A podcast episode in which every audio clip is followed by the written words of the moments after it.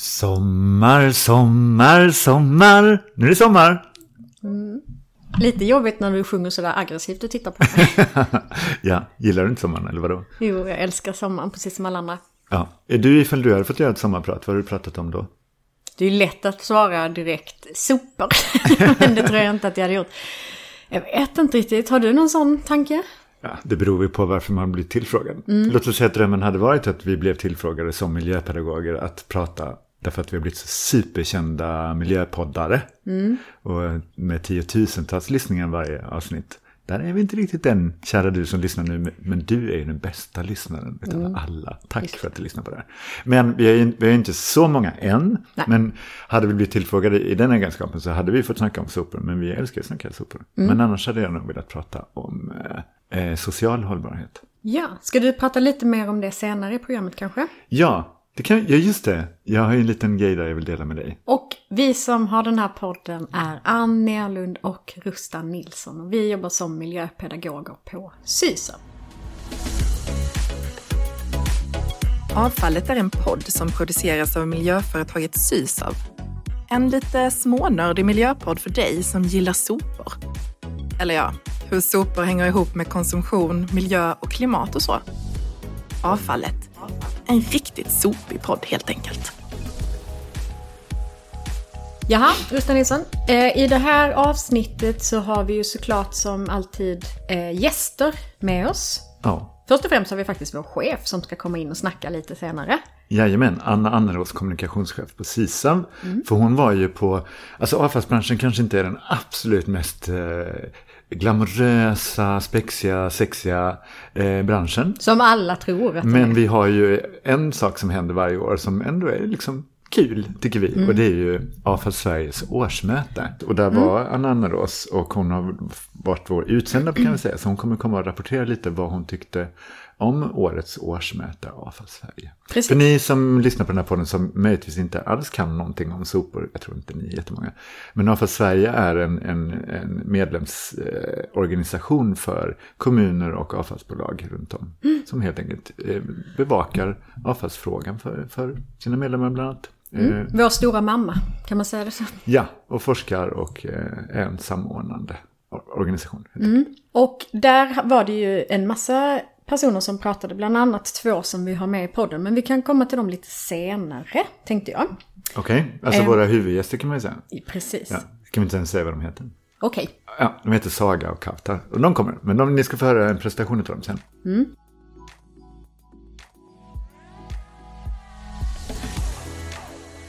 Jag tänkte kolla med dig idag om ett ord som jag lärde mig för några veckor sedan eller någon vecka sedan. Okej? Ska se om du också kan det. Vet du vad ekocid är? Nej, det vet jag inte. Du har inte hört det? Borde jag det? Eh, ja, men kanske. För att jag, jag vet inte heller varför inte jag har hört det tidigare. Pesticid vet du väl? Ja, men kan du gissa? Eller om man säger det på engelska, ecocide. Nej. Då ska jag faktiskt läsa från en hemsida som beskrev det så himla bra. Vad är ekocid? Ekocid innebär storskalig miljöförstöring. Trots 50 år av internationellt miljöarbete och kunskap om klimatförändringarna fortsätter exploateringen av naturen och utsläppen från fossila bränslen med oöverskådliga konsekvenser för allt liv. Som genocide helt enkelt. Fast Ja. ecocide. Ja, precis. Ehm, vi behöver tydliga gemensamma regler som skyddar naturen på en global skala. Ekocid behöver bli ett internationellt brott. Och då så tänkte jag först så här, ja, men det här är ett nytt ord. Och så kollade jag upp det. Nej. Vet du vem som myntade första gången i Sverige? Nej. Olof Palme. Ah. Gissa varför?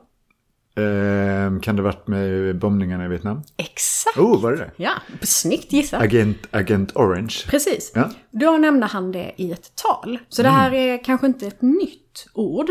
Var det samma tal som man kallar dem för satans mördare? Och sånt? Säkert. Ja, vi Jag vet. Okej.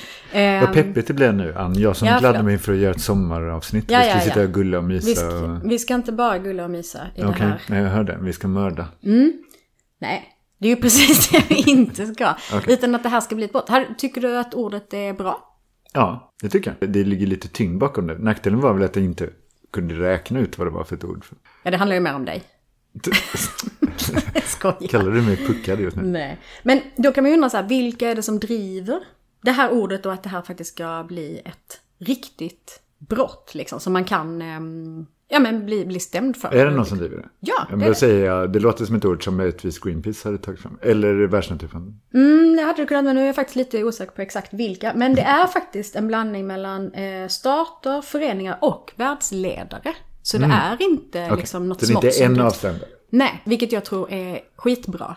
Har man några Nu- exempel på vad det just nu förekommer ekocid? Ja, Live-googlar du just nu? Ja. Agent Orange. Alberta Tarsans. Det vet jag inte vad det är. Vet du det? Bra googlat.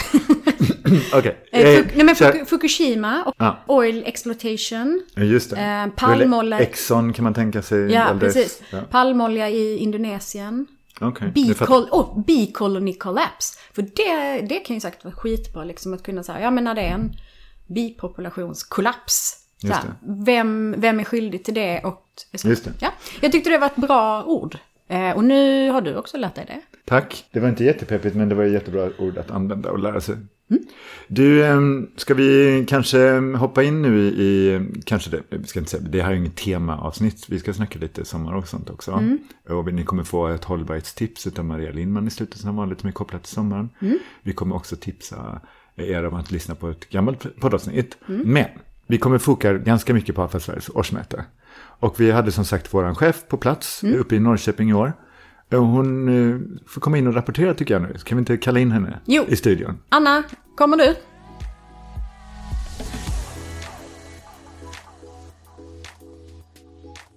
Hej Anna, välkommen in i poddstudion. Hej, tack så mycket Ann. Du har varit på konferens. Ja, det var Avfall Sveriges eh, årsmöte. Och vad var bäst på konferensen då? Ja, men jag skulle vilja börja med vad som var mest deppigt. Men det är okej. Ja, det får du. Och det är ju att avfallsmängderna fortsätter, fortsätter att öka i samhället. 2,5 procent. Vet du vad det innebär per person? Hur Nej. mycket avfall slänger vi? 475 kilo per person och år. Och det ökar. Eh, så det är ju den deppiga ingången. Men det som var det bra var ju att på den här konferensen så fick vi se mängder av olika initiativ och den innovationskraft som faktiskt finns i branschen. Och det har dessutom tagits fram en ny modell där man kan titta potenti- på potentialen. Vad förebyggande arbete faktiskt innebär i koldioxidminskningar. Och då fick jag en ganska spännande siffra. Att om man i ett pilotprojekt som gjordes så skulle man faktiskt kunna minska hela Sveriges skolor, äldreomsorg och förskolors koldioxidutsläpp med 51 000 ton. Bara att förebygga och minska restavfall och matavfall. Det var ganska enkla medel som man kunde göra den minskningen i skolor och förskolor. Det var ju en jättepositiv grej. Eller hur? Så det gjorde mig ju glad. Mm, skönt. Något mer då? Gabriel Wikström var där och berättade om nollvisionen. Vem för- är Gabriel Wikström? Det är alltså våra nationella samordnare för de globala målen, alltså Agenda 2030. Och han pratade om koppling mellan mål 12, som är vilket mål? Ann Håll, hållbar konsumtion och produktion. Vårt favoritmål. Ja, tack. Han berättade om eh, sina tankar kring hur man kan dra eh, det här trafikmålet, noll olyckor i trafiken. Hur man skulle kunna dra den parallellen mot eh, nollvision i avfall. Och kopplingen då mellan mål 12. Det var spännande men jag tror det behövs ett separat avsnitt för det faktiskt. Mm, han ska ju vara med i podden. Så det avsnittet hoppas jag att ni alla kommer lyssna på. Eh, men eh, var det något mer som du tyckte var extra bra? Ja, alltså det här med energiåtervinning är ju ganska omdebatterat. Mm, absolut. Det har tagits fram en väldigt spännande rapport som Lia Detterfelt som jobbar på Renova, där 84 miljarder var en siffra som hon visade för oss, är då nyttan av vad faktiskt energiåtervinning ger samhället i pengar. Det är ju jättesvårt att fatta för det är ju 84 miljarder. Och om man ställer det i relation till något annat då? Är det mycket eller lite? Alltså det är ju väldigt mycket pengar. Ja, absolut. Det är inte lika mycket som Twitter kostade. Nej, just Elon det. Musk betalar väl 430 miljarder Mm, för Twitter. Men om man ser ur... Vi kanske inte ska en- jämföra energiåtervinning och Twitter då. Kanske inte. Men om man tittar på en stor investering som vi i branschen kikar på just nu, då är det ju CCS. Mm. Carbon capture and storage. Precis. en sådan investering eh, ligger på ungefär 2 miljarder kronor. CCS var ju såklart en eh, punkt på, i konferensen som, var, eh, som, var, som fick ganska stort utrymme. Det har ju visat sig, och det tror jag att ni tidigare tagit upp på den också, att i PCCs senaste eh, rapport visade att infångning av koldioxid är väsentligt för att vi ska nå netto nollutsläpp. Mm. Då var det lite spännande att se relationen här mellan vad bidrar energiåtervinning av avfall och vad kan vi sen då göra för att ta hand om de, de utsläppen som, som finns. Och det som pratades mycket om är ju då det samhällsekonomiska perspektivet utifrån eh, CCS-modeller. Mm. Um, att det är nödvändigt att den här tekniken ska finnas, det har vi fattat.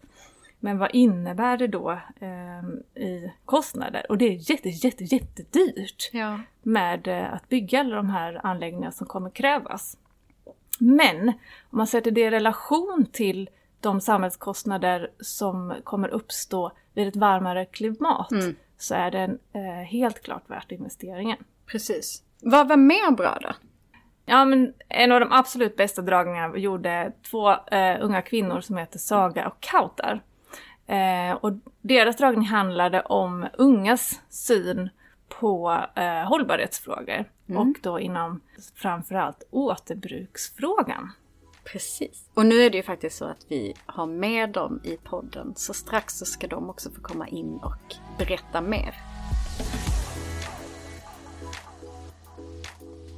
Men tack Anna. Nu hoppas jag att du som lyssnare är nyfiken på att höra från Saga och Kaftar som Anna nämnde. Mm. Som var en av höjdpunkterna på årsmötet. Ja. Så vi, vi gjorde ju så faktiskt som de är två, de bor inte i samma stad, att vi fixade ett litet teamsmöte med dem. Mm, där de också vi får presentera sig själva, så det ska de få göra. Ja, så här kommer det samtalet.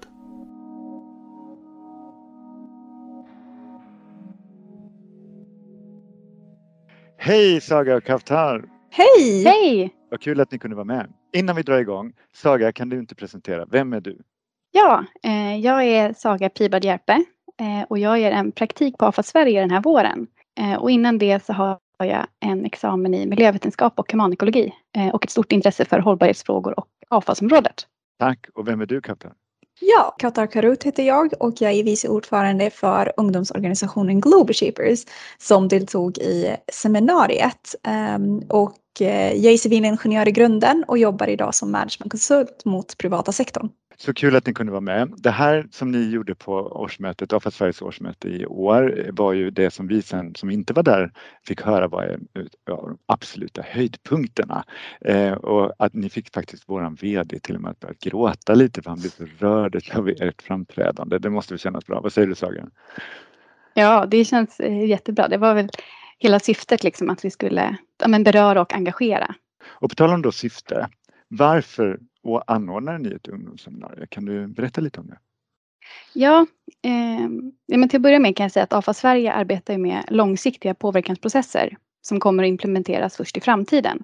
Och då är det ju dagens ungdomar som kommer att verkställa de här processerna, som ju därför måste vara förankrade hos de unga för att vara effektiva och relevanta. Men det är också dagens unga som kommer leva med effekterna av de klimat och miljöproblem som vi står inför. Och för att uppnå vårt generationsmål så behöver vi engagera de unga och se till att de får delta i de beslutsfattade rummen. Men det finns också nya undersökningar eh, som visar att synen på eh, avfallsfrågor skiljer sig åt mellan generationer och att det kanske har skett en värderingsförflyttning hos de unga. Så seminariet var då AFA Sveriges första steg att öka dialogen med unga och särskilt framtidens ledare, de unga som organiserat sig politiskt eller i civilsamhället. Kaptar, vad var själva utgångspunkten för det här seminariet? Kan inte du eh, berätta lite om det också? Absolut. Eh, utgångspunkten för seminariet var att hitta kopplingen mellan avfallsfrågor och Agenda 2030. Och när man pratar om Agenda 2030 så pratar man om särskilt mål 12 som har med eh, hållbar konsumtion och produktion att göra. Och seminariet egentligen fokuserade på tre områden. Eh, vi har resurshushållning, eh, cirkulär ekonomi osynligt avfall. Och utifrån seminariet så var tanken att vi skulle ta fram konkreta eh, förslag på olika åtgärder, både på nationell nivå och kommunal nivå, om hur ehm, eh, man kan jobba med avfallshantering och hur man kan involvera, involvera un, ungdomar. Bra. Vilka var med i, den här, i det här arbetet och vilka organisationer var med, Saga? Ja, eh, det var 18 personer som deltog på seminariet från 14 stycken olika organisationer. Eh, och det var delvis de politiska ungdomsförbunden som deltog, men även klimatpolitiska ungdomsorganisationer, då vi såg att det är viktigt att också ha med dem som en aktör. Eh, och de här organisationerna har inte samlats på det här sättet tidigare för att diskutera de här frågorna. Så det tyckte vi var väldigt spännande. Eh, och de klimatpolitiska ungdomsorganisationerna var bland annat Sametingets ungdomsråd, Global Shape Stockholm, Svenska kyrkans unga och Klimatstudenterna. Nu vill jag eh, komma till det som jag är mest spännande på att få höra om. Det var ju vad blev själva resultatet av allt det här då? Katta, berätta. Ja, eh, resultatet. Som jag berättade i början om utgångspunkten så eh, försökte vi ta fram eh, olika förslag på åtgärder. Men vi också tog fram vissa hinder som vi som ungdomar ser.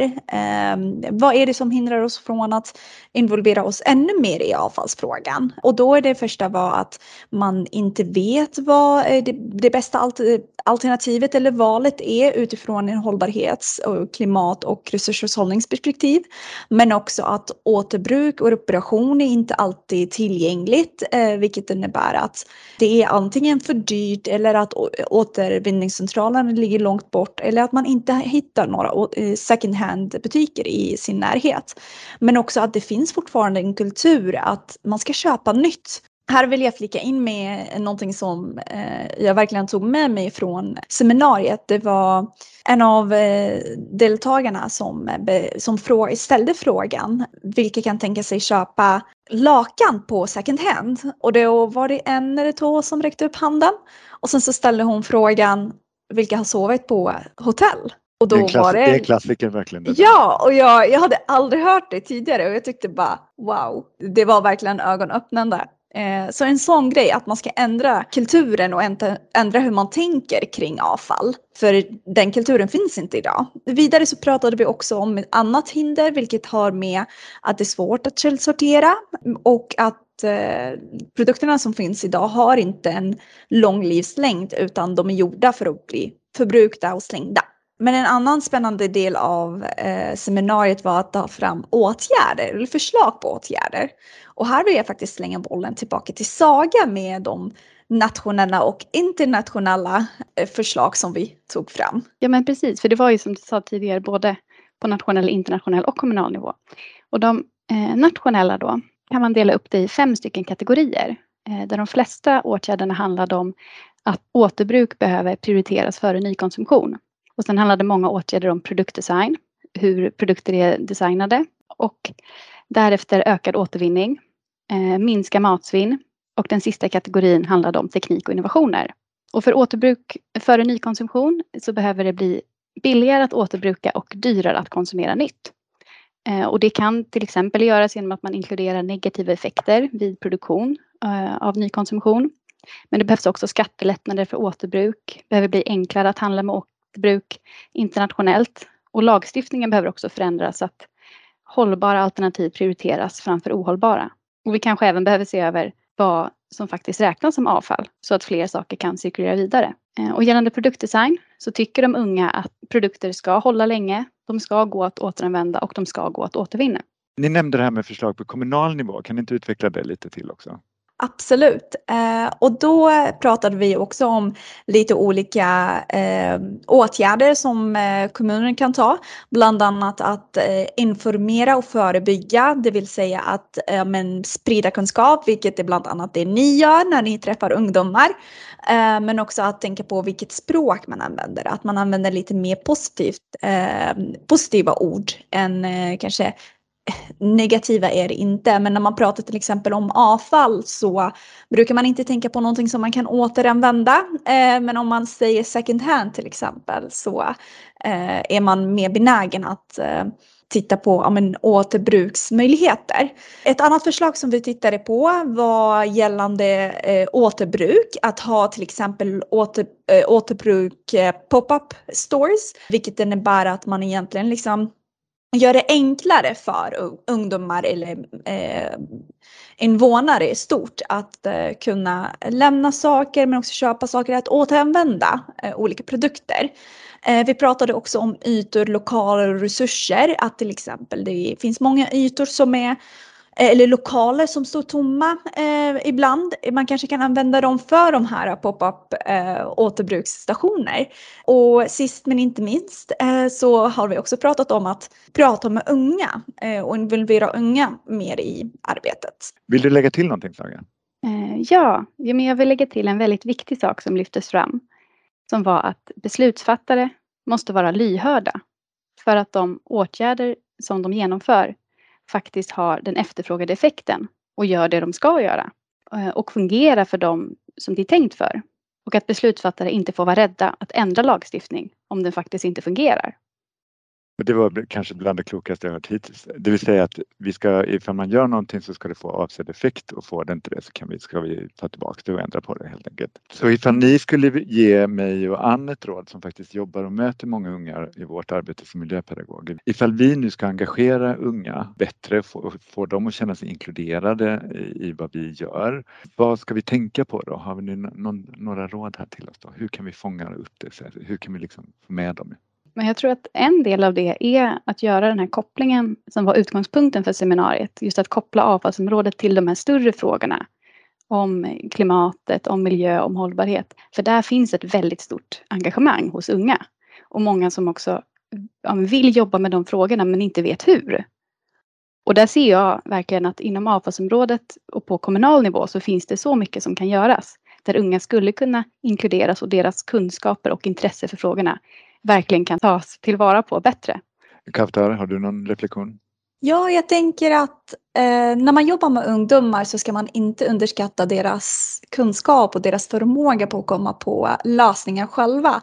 Och det är när en person får komma på en lösning.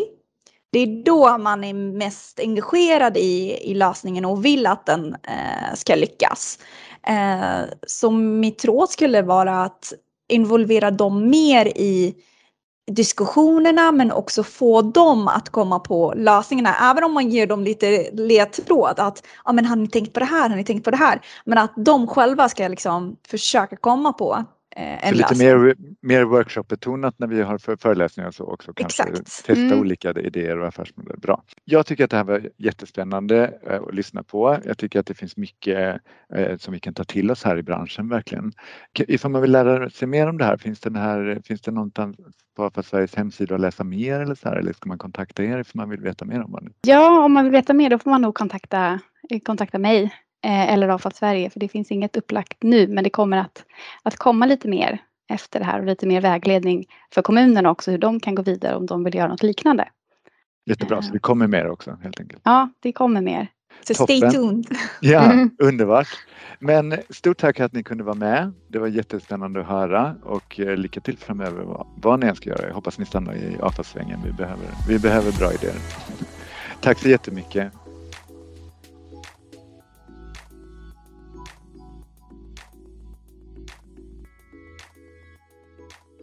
Känner du nu när du lyssnade på Saga Kautar att vi tillräckligt bra och i tillräcklig omfattning jobbar tillsammans med unga i Sverige idag kring våra frågor? Du och jag som miljöpedagoger mm. alltså? Nej, det tror jag inte. Även om vi möter många och, och försöker göra det bästa av alla de träffarna så tror jag att vi hade kunnat eh, bli bättre på att ta in deras tankar och funderingar. Kanske, fast då handlar det nog om att ge tid till det. För att om vi säger att vi har en grupp på studiebesök, en och en halv timme träffar vi dem, det är ganska kort tid. Man kanske skulle lägga på lite tid för att också faktiskt få ner deras mer reflektioner. Mm. Så att de också känner att någon lyssnar Att de är delaktiga i, i ja. också att formulera nya lösningar på de här problemen som ändå är de som kommer ärva liksom. Ja, ja, ja, och som de redan är nu ärver. Vad tycker du själv? Jag tycker precis som du säger att vi, vi gör ju mycket redan. Vi tar emot eh, jättemånga här på studiebesök och vi ute och snackar som är unga. Och mm. vi har ju övningar som faktiskt är fokuserade på att hitta lösningar på att hur man ska skaffa sig nya vanor och hantera vissa problem kopplat till hållbarhet och framförallt avfallsfrågan såklart naturligtvis. Men jag tänker precis som att när vi tar fram strategier eller när vi formulerar våra mål att vi kanske också ska göra det eh, tillsammans med unga mer. När vi planerade det här avsnittet sa du åh jag har en grej om rättvisa, det vill jag prata om. Så nu ska du få prata om det. Ja, jag läste, och nu har jag faktiskt glömt vad jag läste, så nu tar jag bara vad jag själv reflekterade om det här som jag läste. Det har gjorts en undersökning, en stor undersökning, eh, om vad det är som får folk att bete sig hållbart och konsumera hållbart. Eller allting från att sopsortera eller att eh, inte flyga och så vidare. Och då visade det sig att eh, vissa saker påverkar i ganska liten utsträckning och det var saker som information till exempel och kunskap. Ja, ja, ja. Det var inte säkert viktigt till Nej. att få folk att bete sig. Utan en utav de absolut starkaste, om inte den starkaste, det var rättvisa. Det skulle Mm. uppfattas som rättvist. Det vill säga, ifall jag ska sluta flyga, då ska du banne mig också sluta flyga. Mm. För annars varför ska jag sluta flyga? Eller ifall jag ska palla sopsortera, men mina grannar inte sopsorterar. Då... Men okej, är det rättvisa utifrån en själv då? Alltså förstår du, att man själv tycker nej men om inte ni gör det så ska inte jag göra det. Eller är det rättvisa som att nej men om den personen inte får, alltså förstår du vad jag menar? Var, är det utifrån en själv då? Jag fattar inte. Nej, okej. Man kan ju se orättvisa som drabbar någon annan.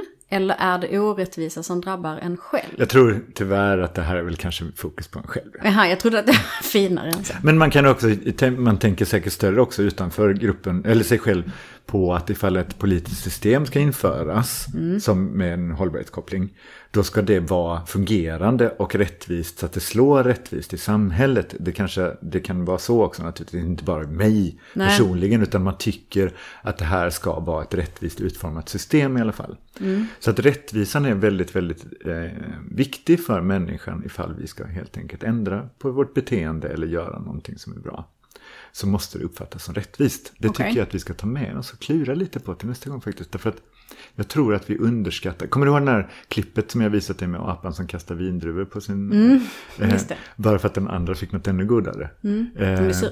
Ja, så alla två apor sitter i och blir matade med vindruvor och tycker det är gott och trycker i sig. Och sen så får den ena apan helt plötsligt en banan men inte den andra apan utan den får fortsatt bara vindruvor. Det blir en skitsned och kastar ut vindruvorna på sin...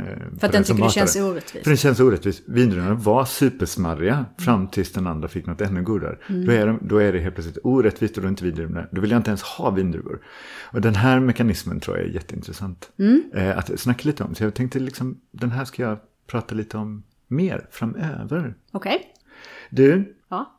vi har eh, någon grej kvar va? Jo, men det är sommar och vi gjorde ett sommaravsnitt med en massa olika sommartips eh, förra sommaren. Ja, Och det får man jättegärna lyssna på om man vill ha en hållbar sommar. Och eh, både du och jag testade ju på några av de tipsen. Ett av de kanske lite mer speciella tipsen det var ju att jag åkte till Dödens by.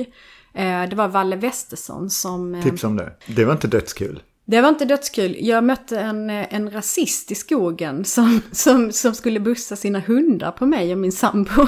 Så Dödens by var verkligen inte död, utan snarare väldigt, väldigt, väldigt obehaglig. Ehm, så mitt tips är där att man kan absolut åka till Dödens by, men par- parkera inte i närheten av en, en tossig, tossig rasist.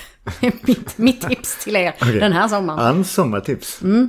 Och, eh, ja, det var inte, det, men det var inte jätteroligt vid Dödens by heller som du sa. Faktiskt. Nej, det För att det var så mycket, det var så uppväxt, alltså det var knappt någonting kvar utav Dödens by. Jag tror att om man ska, det tror jag att jag sa förra året också, att om man ska gå den så ska man nog gå med guide. För att de här ruinerna eh, var ju väldigt överväxta, man såg liksom en sten. Men eh, lyssna på förra avsnittet om sommartips. Eh, Carolina Klüft är med i den podden bland annat. Mm. Det tycker jag är tufft. Eh, Det är väl kanske mest som jag varit mest starstruck eh, för när jag ska intervjua er till den här podden. Men det finns mycket annat. Det blir Sandra Mastio som tycker att man ska palla mera. Och, eh, Vad man ska lägga på grillen och sånt ja, till så exempel. massa bra tips från flera olika personer. Du, In och lyssna på det. Men du, så på tal om sommartips. Mm. Eh, både du och jag har ju faktiskt en litet problem med den här sommaren också. ja. Det är att vi, lite, vi skäms lite också. Ja, du har ju haft det här bestämt ganska så länge och jag bestämde det här faktiskt igår. Men både du och jag kommer flyga den här sommaren. Ja, Och vi för tänk- första gången på flera år. Ja, absolut. Och det här, så pratade vi, du och jag lite nu när vi käkade lunch, att så här, ah, ska vi, ska vi säga detta i podden? Mm. Ska vi det? Och så sa vi ja, det måste vi göra. Ja. För det är också pin, både du och jag skäms ju. Ja. Alltså fast trots att det var flera år Och varför sedan. gör vi det då? Ja, varför gör du det? Ja, precis. Det är en jättebra fråga. För att, Det är svårt att ta sig till New York utan flyg. Ja, det är jättesvårt att åka till New York utan flyg. Men Greta åkte till USA Mm. utan flyg. Men det tog ju henne några veckor. Ja, men så här är det. Jag har ju ställt in en New York-resa en gång på grund av flygskam. För att jag kände att jag fixade det inte. Ja, att med trovärdighet. Men det, det någon roll? Du hade ju inte åkt till New York två gånger. Det är inte som att du sparade in Nej, men nu ska jag berätta hur jag ursäktade. okej. Mm. Att jag kom fram till att jag vill nog, eftersom jag fortfarande har barn som vill fortfarande umgås med mig. Och jag, vill ha, jag har möjligheten att visa dem världen. Mm. Så känner jag samtidigt att jag vill göra det. Men att vi har ju tänkt så här att vi kanske tar bort var tredje resa. Vi reste ju mycket mer förr. eh, Innan jag fattade om det här med miljö och klimat. Jag, Ni åkte väl nästan varje vinter, eller? eh, nej, Nej, okej. Men, men alltså, jag menar, även innan mina barn så var jag en, en gillad att resa. Och, och, och varit över halva världen i alla fall. Innan, alltså innan jag skaffade barn, när jag var ung. Sen så blev jag intresserad av miljö och klimatfrågan sakta men säkert. Har liksom minskat mitt ekologiska och, och mitt klimatavtryck ganska väsentligt. Men nu ska vi åka till New York. Och det känns lite så här, ja nu hittat jag på en ursäkt. Nu, jag har konstruerat en ursäkt som är att, ja men vi, vi kapar var tredje eh, resa som jag skulle vilja göra. Så nu har vi sagt nej till två resor, flygresor, och nu blir det, nu blir det av. Och nu ska vi åka till New York. Och det kommer bli skitmysigt, jag har aldrig varit där. Eh, Jag ska dit med min familj, två veckor, bo i Harlem. Upptäcka ett nytt ställe liksom, det kommer vara magiskt säkerligen. Och eh, ja, sorry klimat. Sorry, sorry sorry. Greta, sorry alla. Ja, men, Jag kommer ju inte flyga till New York. Jag Nej. vet i och för sig inte var, i vart jag ska... men ni har bestämt att ni ska dra. Ja, vi, vi kommer faktiskt åka till Medelhavet någonstans. Och för, eh, nej, för några år sedan så då tågade vi ju till Italien. Det är en helt annan slags resa eh, såklart. Och, När du och, säger tåga så låter det som du liksom så här gick. du vet, som i, i tågar på ner. led. Ja, jag och Martin tågar ner. Nej, men och eh, jag själv slits jättemycket. Och det skiter ju verkligen planeten och klimatet i. Att åh vad jobbigt det är för Ann Nerlund som tycker det är lite Verkligen. jobbigt att sätta sig på ett flygplan. Ja, det är så jädra töntigt. Men nu har vi outat oss som dåliga människor och att vi ändå på något sätt eh, gör det i alla fall och att vi är väl som de flesta är. Dumma i Eh, huvudet? Ja, och, eh, men samtidigt också kanske försöker göra en del, men klarar inte göra allt. Vi är lite, även miljöpedagoger är människor, Ann Elund. Mm. Visste du det? Vill du... Vill du lova någonting då? Det går ju inte att kompensera direkt. Nej, man kan Ehm, inte säga förlåt till naturen. Nej, precis. Och trots att man klickar i den lilla boxen för så här klimatbesparingsresa, tjosan vad det nu Ja. är. Så det går ju inte. Men är det någonting som du tänker att du ändå ska spara in på eller göra annorlunda faktiskt på grund av detta? Alltså att ångesten ändå driver någon förändring. Det tror jag. Mm. Det kommer det säkert göra. Som? Vad? Ja, men vi använder vår bil mycket mindre idag, cyklar mycket mer och så äter mindre kött och allt det där. Mm. Och tänker verkligen på det. Och nu ska vi ändra uppvärmningssätt på vårt hus på landet också som kommer spara jättemycket. Så att, eh, det är klart att vi tänker på det. Och Okej. det, sådana grejer är jättebra att man gör. Att man, man gör det man kan och sen säger man inte perfekt.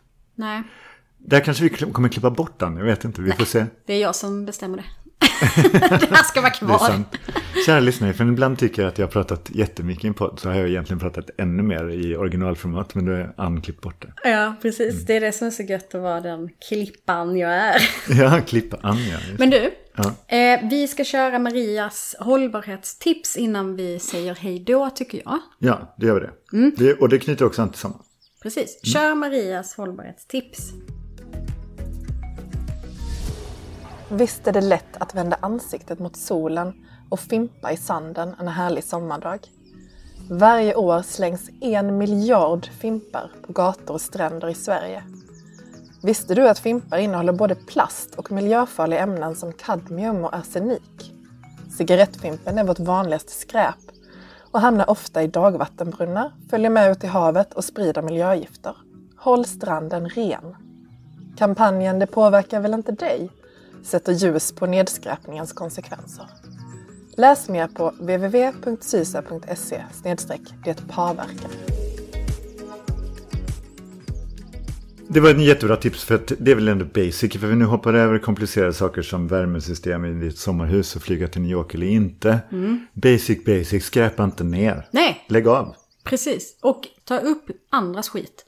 Det handlar inte bara om att man inte själv ska skräpa ner. Utan kom Man kan igen. vara med och städa också. Ja. Ska Skitbra. vi avsluta med det? Jag tycker att vi avslutar med att säga att nu är det sommar, sommar, sommar, sommar. Oaggressivt sjöng jag nu, märkte du det? Och vi kommer vara lediga. Ja. Eh, Så det blir ingen podd på ett tag nu. Nej, Kanske vi, september. absolut september senast. Ja, ja. Ja. Jag ska väl leda en bit in i augusti också. Det vet du va? Kära lyssnare, tack för att du har lyssnat på det här programmet. Och tack för att du hänger med oss. Och ha en underbar sommar. Vi hörs då. Hej då! Det här var en podd producerad av miljöföretaget Sysav. Glöm inte att följa oss på sociala medier. Där heter vi Sysav. Avfallet. En riktigt sopig podd helt enkelt.